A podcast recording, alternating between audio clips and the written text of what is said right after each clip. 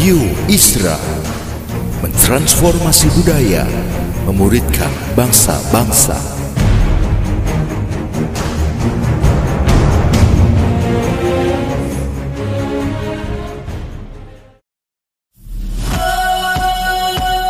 Suara Transformasi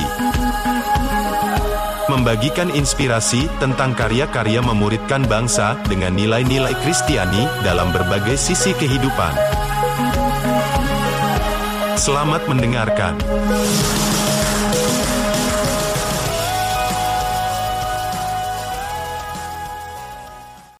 Nah, saudara harus tahu bahwa komunikasi merupakan salah satu hal yang sangat penting dalam rumah tangga.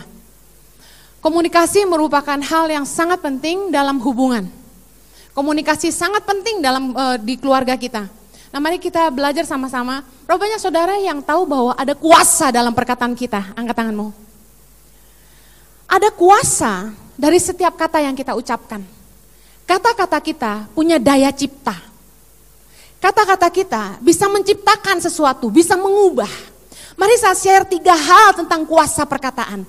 Kuasa perkataan yang pertama, menentukan kehidupan kita di bumi. Amsal 18 ayat 20, 21 kita baca sama-sama. Perut orang dikenyangkan oleh hasil mulutnya. Ia dikenyangkan oleh hasil bibirnya. Hidup dan mati dikuasai lidah. Siapa suka menggemakannya akan memakan buahnya. Saya buktikan bahwa ayat ini benar. Anda bisa makan kenyang kalau mulut Anda bisa mengatakan hal-hal yang baik. Saya kasih contoh. Orang diterima di tempat pekerjaan. Bukan karena mereka punya degree yang bagus. Bukan karena mereka punya skill yang keren, wajah yang ganteng atau cantik, penampilan yang meyakinkan, no. Di dalam proses rekrutmen, yang paling menentukan seseorang memperoleh pekerjaan Anda tidak adalah interview. Ketika Anda di interview, jawaban yang Anda berikan yang akan membuat pertimbangan itu jadi besar Anda diterima atau tidak. Yang kedua, Anda berbisnis, Anda membutuhkan sales. Kalau salesmu bagus, pintar menjelaskan produk yang engkau jual, daganganmu laku. Kalau Anda berdagang, Anda jujur, perkataanmu bisa dipercaya orang, usahamu pasti diberkati Tuhan dan engkau pasti punya banyak langganan. Semua apa yang kita keluarkan dari mulut kita ini bisa membuat kita lapar atau kenyang. Hidup kita mau baik atau tidak, itu tergantung dari buah perkataan kita. Yang percaya katakan amin. Mari kita lihat ayat. Ayat yang kedua, Kuasa dalam perkataan kita yang kedua itu menentukan kehidupan kita di kekalan. Matius 12 ayat 36 ayat 37 bilang gini. Tetapi aku berkata kepadamu, setiap kata sia-sia yang diucapkan orang harus dipertanggungjawabkannya pada hari penghakiman. Karena menurut ucapanmu engkau akan dibenarkan dan menurut ucapanmu pula engkau akan dihukum. Saudara, bayangkan kalau kita sudah hidup sungguh-sungguh untuk Tuhan, melayani, menabur, suka nolong orang miskin, suka puasa, rajin baca firman, hidup kita udah keren abis. Dan kita pikir kita siap masuk surga. Tapi ternyata kalau kita tidak menjaga perkataan kita, semua yang kita buat dalam hidup ini sia-sia. Lihat ayat yang berikut ini, Yakobus 1 ayat 26. Baca sama-sama. Jikalau ada seorang menganggap dirinya beribadah, tapi tidak mengekang lidahnya. Ia menipu dirinya sendiri. Maka sia-sialah ibadahnya. Sia-sia kita rohani beribadah, tapi kalau mulut kita rohana. Kuasa perkataan yang selanjutnya. Sorry, sebelum saya masuk ke kuasa perkataan selanjutnya, saya mau tanya pada Anda. Menurut Anda, bahasa apa yang paling penting? Yang ikut Instagram pasti udah tahu ini. Bahasa apa yang paling utama? Ada yang jawab bahasa Indonesia. Ada yang jawab saya bahasa roh. Saya ketawa-ketawa. Kenapa? Karena yang jawab bahasa roh itu orangnya ngeroh banget. Dikit-dikit bilang saya melihat, saya mendengar, saya bermimpi, saya merasa. Nah, saudara firman Tuhan tuh bagus banget. Di dalam uh, eh, 1 Korintus 14 ayat yang keempat dibilang begini. Siapa yang berkata-kata dalam bahasa roh membangun dirinya sendiri. Tetapi siapa yang bernubuat ia membangun jemaat. Nah saya heran, banyak orang yang fasih berbahasa roh. Hebat kalau berbahasa roh. Bahasanya tuh antik-antik. Bisa kono-mono kata kemete-kete, segala macam lah ya. Ini bikin-bikinan ya. Saudara, tapi begitu dia ngomong bahasa Indonesia, bahasa yang manusia mengerti, perkataannya tuh nggak membangun. Padahal firman Tuhan bilang gini, lu jangan bahasa roh di depan orang, orang nggak ngerti. Ngomong pakai bahasa orang. Itu perkataan harus membangun. Nah herannya orang ke mana-mana bahasa roh, sikarapata karalaba shando. Tapi kalau ketemu teman bilang gini, masih hidup loh. Tuh jerawat gede banget. Kalau ngomong bahasa Indonesia kayak perlu belajar gitu loh. Nggak membangun. Padahal yang penting dari kita bukan rohaninya tapi membangunnya. Nggak usah sosok rohani tapi kalau begitu buka mulut minta ampun. Bahasa apa yang paling utama? Banyak orang fasih berbahasa lidah, tapi mereka lupa bahasa sorga. Bahasa sorga itu satu, kasih.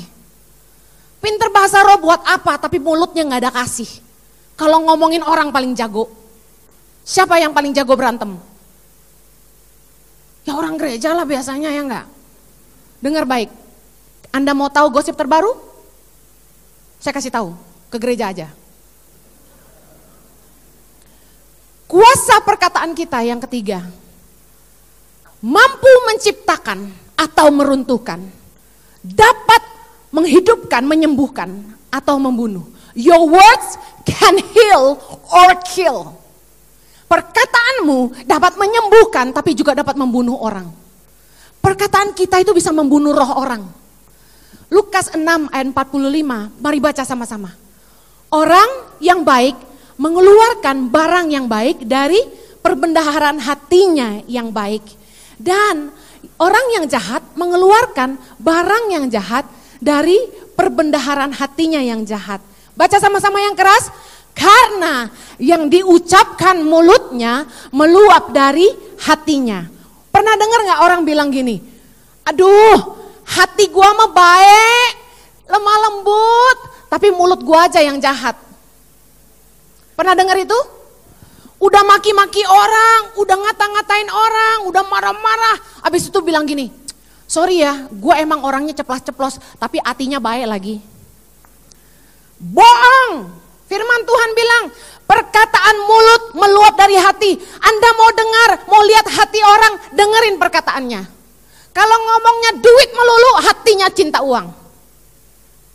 Tapi kalau dia ngomong soal kasih, dia mikirin gimana nolong orang, hatinya penuh dengan kasih Tuhan. Kalau melulu fokus sama diri sendiri, cari untung hanya buat diri sendiri, udah jelas. Hidupnya penuh dengan pemujaan diri sendiri. Dengar baik, kita nggak bisa bohongin orang, bilang hati kita baik tapi mulut kita jahat. The tongue has no bones, but it is strong enough to break a heart. So be careful with your words. Lidah tidak bertulang, tapi cukup kuat untuk mematahkan hati orang. Cukup kuat untuk membunuh roh orang. Oleh karena itu hati-hati dengan lidah kita. Kita sering pakai alasan, maaf, lidah tidak bertulang, betul?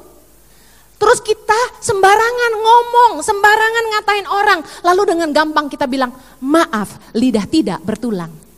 Tapi dengar baik, justru karena Anda tahu lidahmu tidak bertulang, tapi cukup kuat untuk membunuh orang, jangan ngomong sembarangan. Suatu hari saya ketemu seorang hamba Tuhan, dia punya uh, satu image yang sangat baik di mata pengerja-pengerja di gerejanya, ya bahkan orang-orang yang kenal dia itu punya satu sebutan. Mereka bilang orang ini orang yang tidak pernah marah. Saya kagum. Soalnya pria saudara. Pria mana yang tidak pernah marah? Haleluya. Satu di antara seribu. Nah orang ini gak pernah marah. Jadi saya penasaran, kok ada sih cowok gak pernah marah? Jadi saya ketika suatu kesempatan makan malam sama-sama saya tanya. Bersama suami saya ya, tidak berdua. Saya tanya, Pak boleh tanya, e, Bapak kenapa ya tidak pernah marah? Kuncinya apa? Saudara, dia cerita. Suatu hari waktu dia masih sangat muda, dia membuat sebuah pelatihan e, di Sumatera Utara. mempersiapkan anak-anak muda untuk menjadi eh, murid-murid yang militan untuk menginjil, pergi ke pedalaman-pedalaman. Nah dia punya satu aturan main di mana anak-anak muda itu harus komitmen nggak boleh pacaran. Nah suatu malam ketika dia masuk ke dapur, dia mendapati ada anak perempuan dan anak laki-laki sedang berpelukan. Dia marah besar, marah sekali, dia maki-maki, dia ngamuk, luar biasa marah. Saudara mereka minta maaf, dia usir mereka, kalian pulang besok. Jadi siapa yang tidak ikut aturan harus pulang. Ini anak-anak datang dari Jawa, dari mana-mana. Nah kemudian besok paginya ditemukan anak perempuan ini mati minum racun. Ketika kejadian itu, dia shock berat.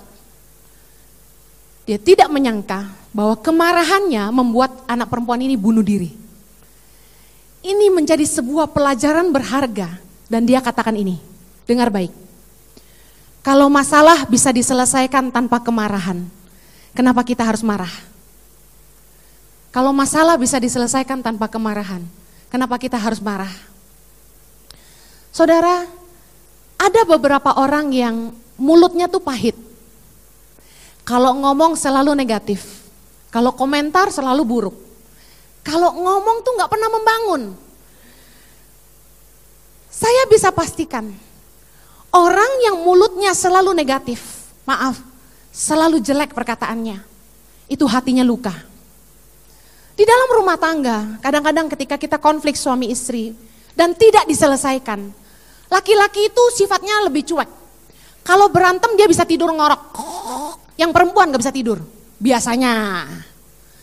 Nah, perempuan tuh sifatnya mengandung, menyimpan. Jadi disimpan dalam-dalam dalam hatinya. Nah ketika suaminya bikin salah, itu dia udah siapin panah api buat tembak suaminya, cas. Dan abis itu mereka berantem terus. Ini terjadi dalam rumah tangga saya.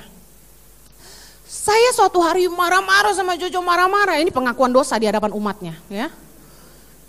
Wah ini baik, uh baik, baik puji Tuhan, tapi galak juga.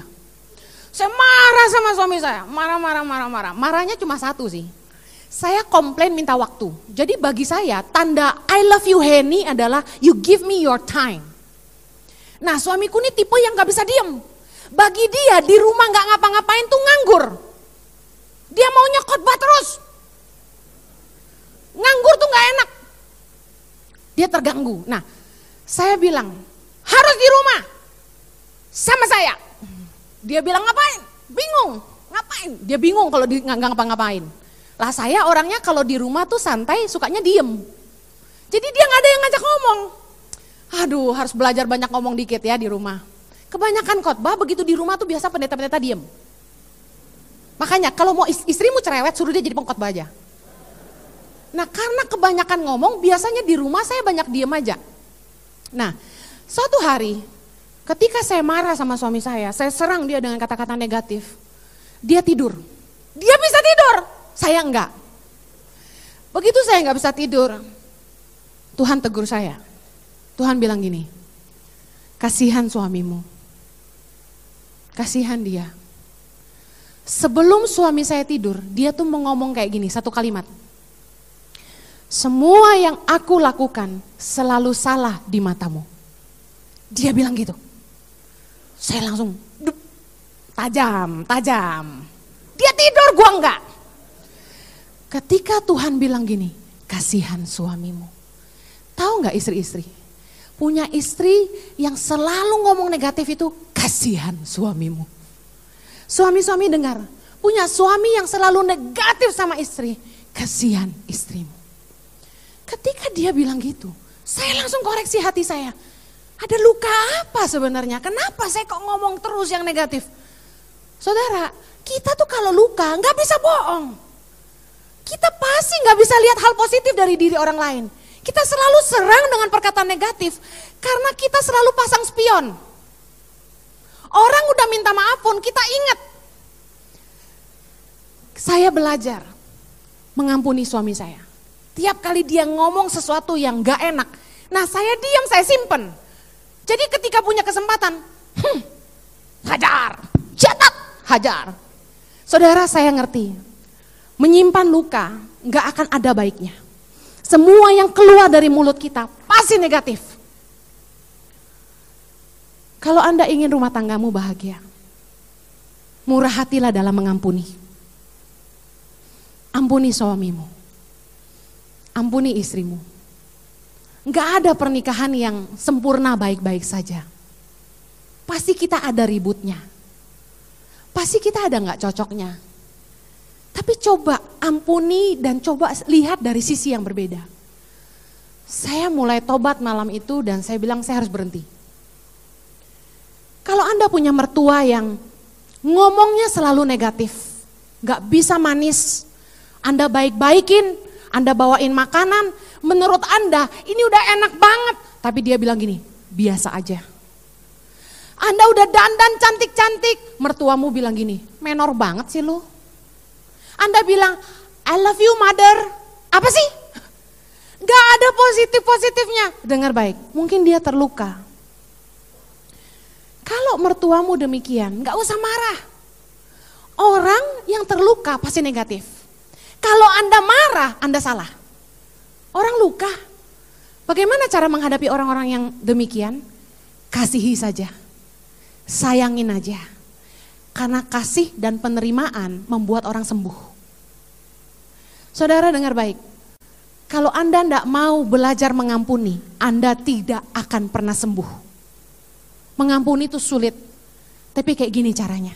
Setiap kali Anda teringat akan kejadian yang menyakitkan Anda, ucapkan dengan bibirmu supaya telingamu mendengar dan iblis mendengar. Aku mengampuni mertuaku. Aku mengampuni suamiku. Aku mengampuni istriku. Aku mengampuni menantuku. Aku mengampuni anak-anakku. Ucapkan dengan mulutmu. Mungkin ada mertua-mertua yang sakit hati sama menantunya. Dengar baik, ampuni. Kalau enggak, perkataanmu enggak bagus. Engkau selalu negatif. Kalau ada mertua-mertua yang pengen disayang anak, disayang menantu, disayang cucu, dengar, perkataanmu adalah kebahagiaanmu. Kalau ndak bisa jaga lidahmu, engkau ndak akan disayang sama anak-anakmu. Istri menantumu, ya, itu punya kuasa untuk mendekatkan anak-anakmu dan cucu-cucumu. Jadi kuncinya untuk mertua tuh disayang anak dan cucu, sayangi menantumu. Banyak orang tua yang gak happy kalau anaknya sudah merit, karena cenderung anak-anaknya dibawa pergi sama istri-istri mereka. Ada amin? Enggak. Saudara dengar, perkataanmu bahagiamu. Banyak suami atau istri yang tidak bahagia karena pasangannya nggak bisa jaga lidah. Dengar, perempuan, tidak ada laki-laki yang tahan dengan perempuan yang mulutnya tajam dan cerewet. Saya mau tanya, ada laki-laki yang suka punya istri cerewet, ngefans sama perempuan cerewet, angkat tangan. Nggak ada. Ada? Serius? Nggak ada. Tidak ada laki-laki yang tahan pada perempuan yang mulutnya tajam dan cerewet. Kalau Anda masih jomblo sampai saat ini, sedangkan angka umurmu sudah kepala tiga, dengar baik. Saya kemarin diminta doain orang.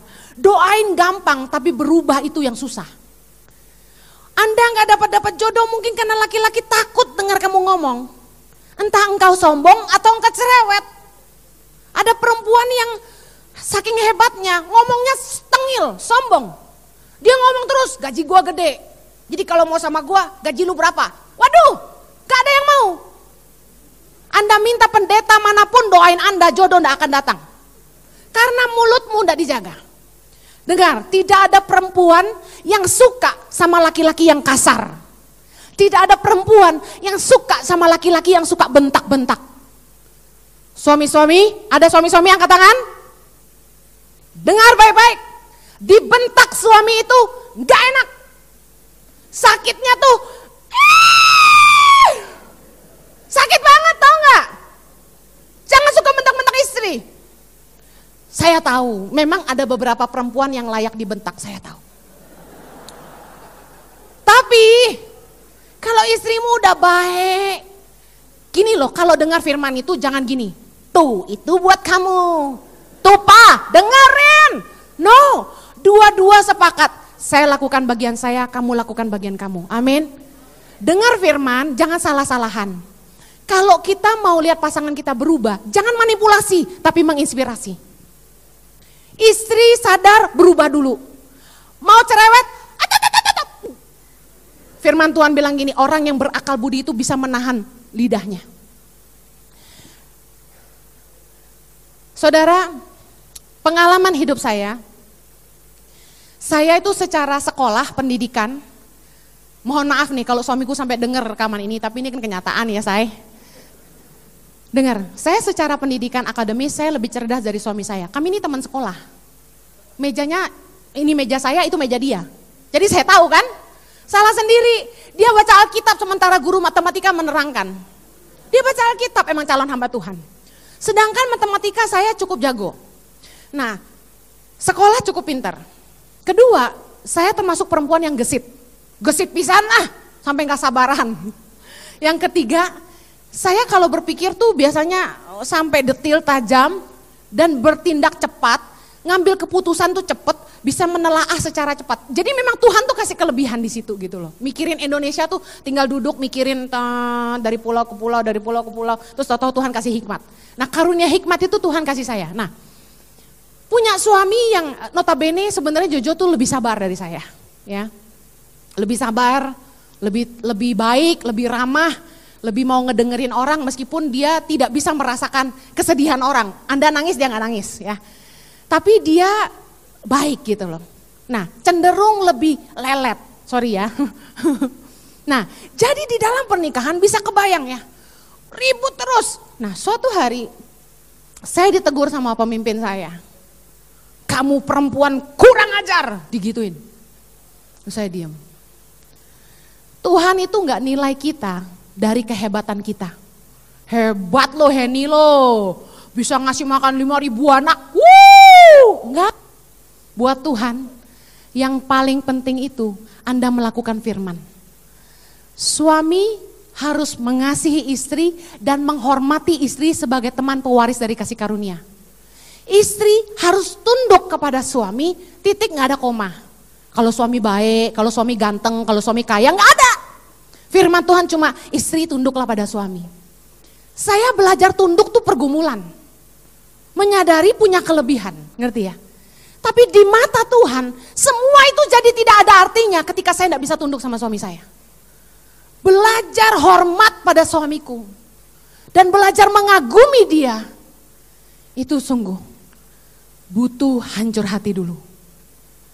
Saya dan Jojo sempat melewati masa-masa genting di mana kami berdua rasanya mau pisah aja.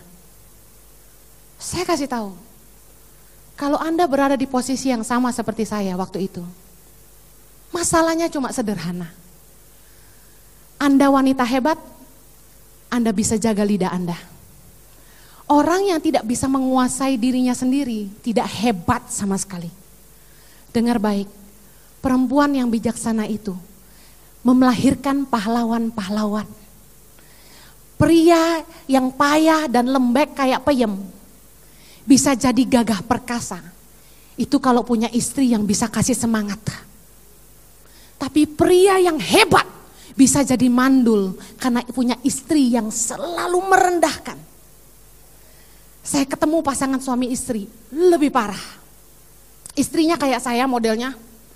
Suaminya tuh sampai nunduk-nunduk gak berani lihat orang. Ngeliat.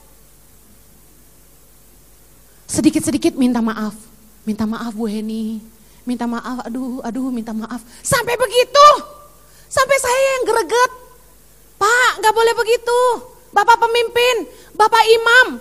Dengar, istri-istri, kalaupun engkau dari keluarga yang lebih kaya, engkau tidak berhak merendahkan suamimu.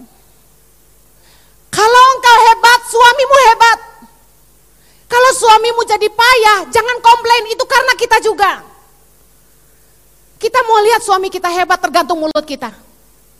Saya berubah dan saya bilang ini, Joe, I'm sorry. Saya belajar memuji suami saya. Sering yang terjadi adalah gini. Di rumah tidak dipandang. Dilecehkan. Tapi di luar Sekretaris lihat dia bilang gini, Pak, baru gunting rambut ya, keren banget loh. Dasinya baru ya, aduh cocok banget sama bajunya. Tapi di rumah istrinya lihat dia baru gunting rambut langsung komentar, eh kayak pentol korek api loh. Dengar baik, gimana rumah tangga mau bahagia? Belajar tuh sama sekretarisnya. Saya biasanya males dengerin suami saya khotbah karena udah bolak-balik denger. Nih jujur kan istri pendeta. Udah bolak-balik denger jadinya kadang-kadang bosen. Ya. Jadi satu hari saya pelayanan sama-sama sama Jojo di Bali. Saya duduk paling depan, saya dengerin dia khotbah, saya nggak main handphone, saya liatin dia dari awal sampai akhir, saya dengerin. Saudara tahu, saya diberkati sekali. Diberkati sekali dengan khotbahnya. Saya foto-fotoin dia terus. Dan selesai itu saya bilang gini, I love your preaching. It's so cool. Keren banget Jo, keren banget. You know what? Hari ini pernikahan kami jauh lebih bahagia. Kami kangen terus dan mau pisah tuh susah banget. Kalau dulu dia mau berangkat pelayanan keluar kota, ngomong ABC juga enggak, main pergi aja. Sekarang dia cuma mau pelayanan di Kelapa Gading, cuma setengah jam dari rumah, pelukan tiga kali. Anda mau rumah tanggamu lebih indah, hargailah pasanganmu. Saya ceritanya suami karena saya perempuan. Dengar baik, your words can heal. Perkataanmu bisa menyembuhkan. Perkataan yang menyenangkan itu membuat orang bahagia. Amin. Saya mau kasih tahu suami-suami, pengen disayang istri. Aduh, gombal lah dikit. Belajar gombal. Biarpun dia udah biasa tampangnya kayak gitu, tiap hari bilang, cantik banget hari ini, meren gelis pisannya. Uh, pacarnya siapa ini? Gitu loh. Dengerin, suami saya, eh nggak ada perempuan yang nggak bahagia dipuji. Bohong. Kalau Valentine nggak dikasih bunga sama suami terus bilang gini ke teman-temannya, gua nggak nggak nggak penting dikasih bunga, yang penting bunga bang. Padahal hatinya sedih. Nggak ada perempuan yang nggak suka dikasih bunga, bohong kalau ada. Dengar baik-baik, Anda mau rumah tanggamu bahagia, belajar mengubah perkataanmu jadi menyenangkan.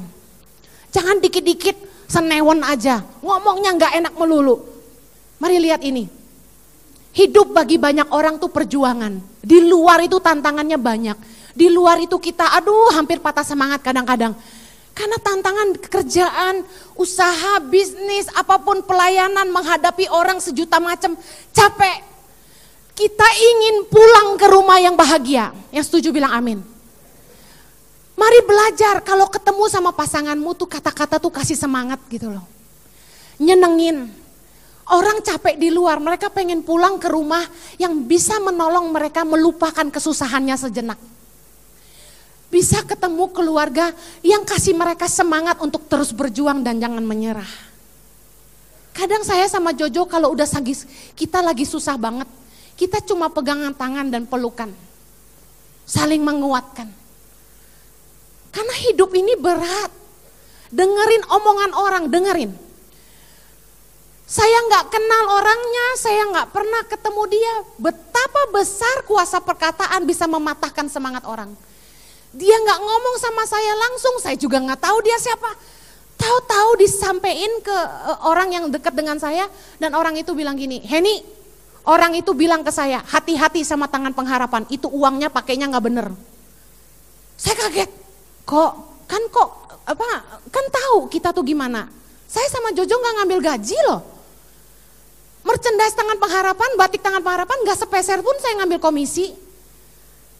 Kami benar-benar berjuang buat anak-anak Indonesia masih difitnah aja saya bilang. Perkataan itu nggak membangun. Tangan pengharapan tuh diaudit sama public accountant. Jelas banget keuangannya silahkan datang ke kantor aja.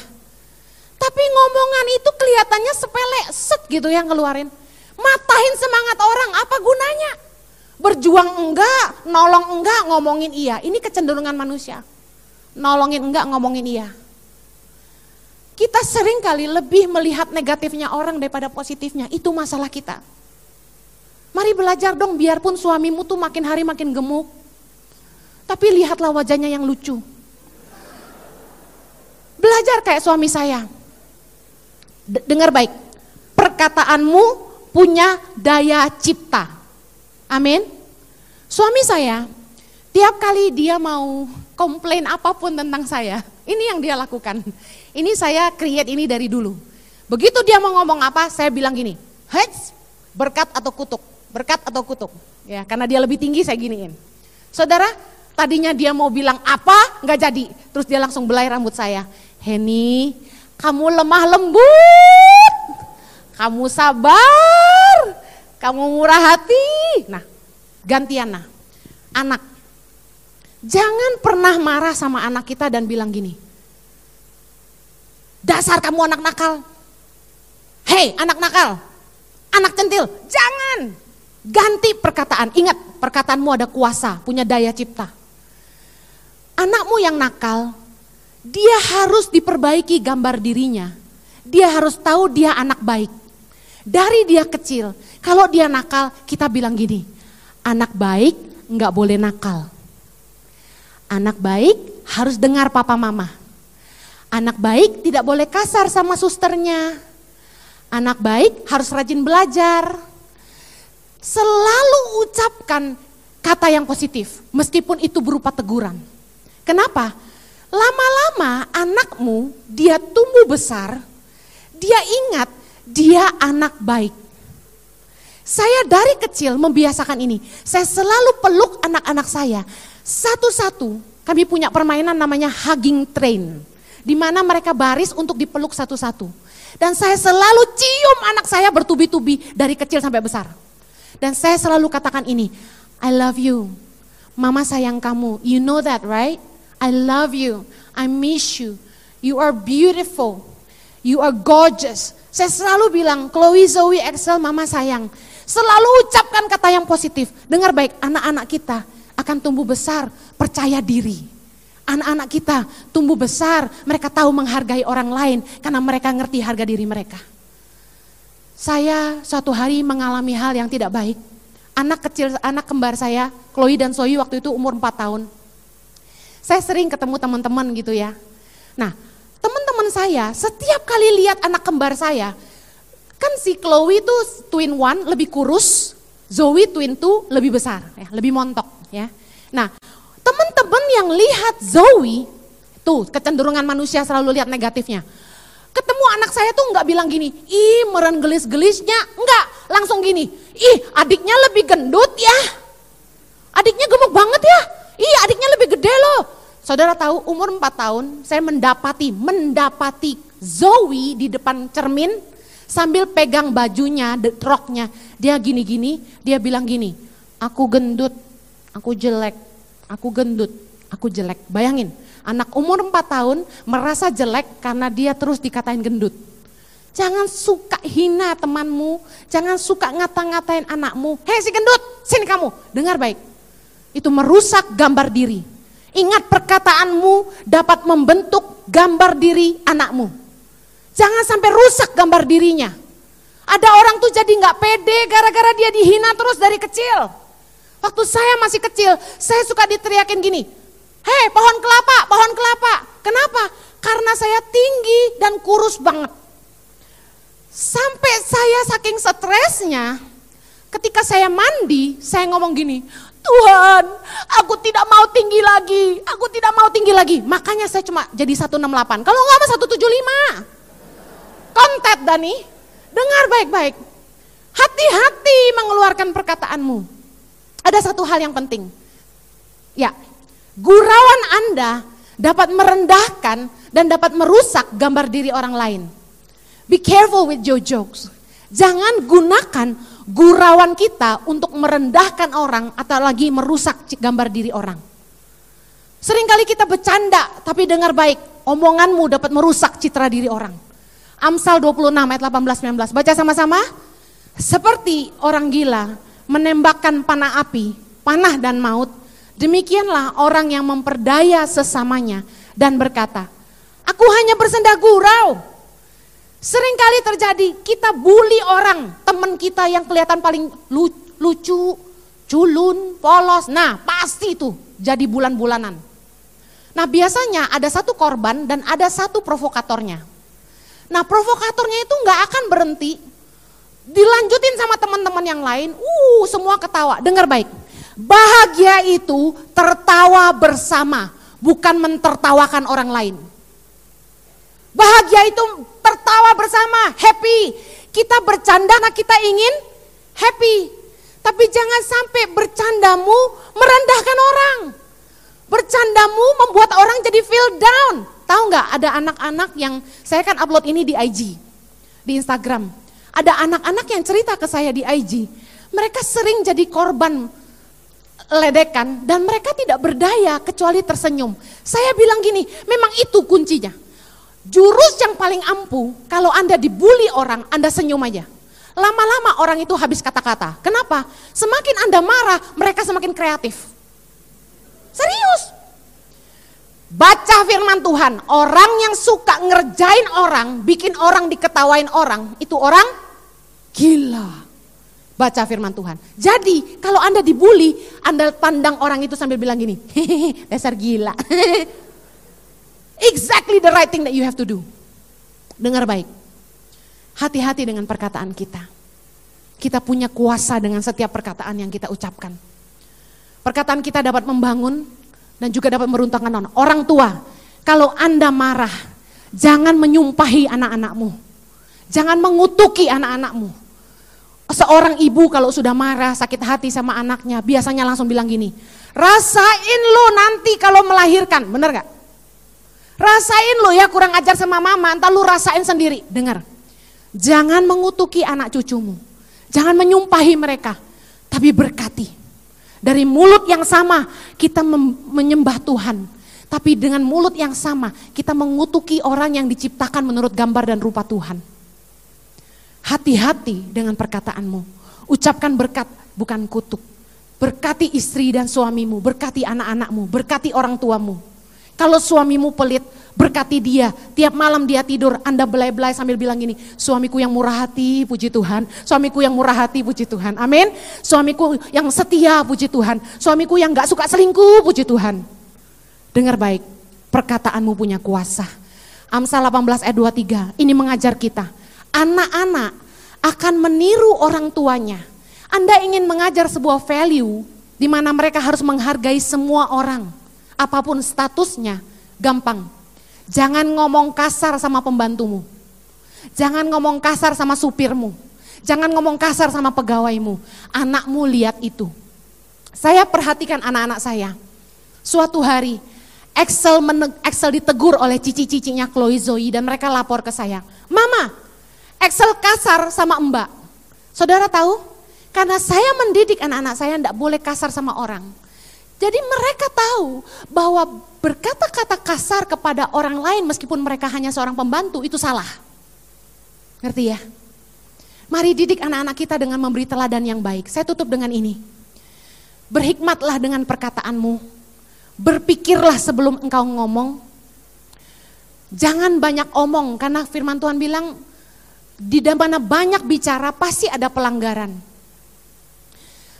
Jangan memberi jawab sebelum engkau mendengar. Jangan sok tahu maksudnya. Dengerin dulu orang ngomong, jangan kebanyakan ngomong. Yang terakhir, tiga hal ini saya tutup. Sebelum Anda ngomong, coba lihat. Yang pertama, apakah perkataanmu itu informasi yang bermanfaat dan mendidik orang? Karena Amsal 15 ayat 2 bilang gini, lidah orang bijak mengeluarkan pengetahuan. Jangan ngomong kalau informasi yang engkau sampaikan itu cuma gosip. Jangan ngomong kalau engkau tidak yakin dengan apa yang engkau bicarakan. Pastikan yang engkau ngomong itu membangun dan bermanfaat, mendidik orang. Jangan sebar gosip. Amin.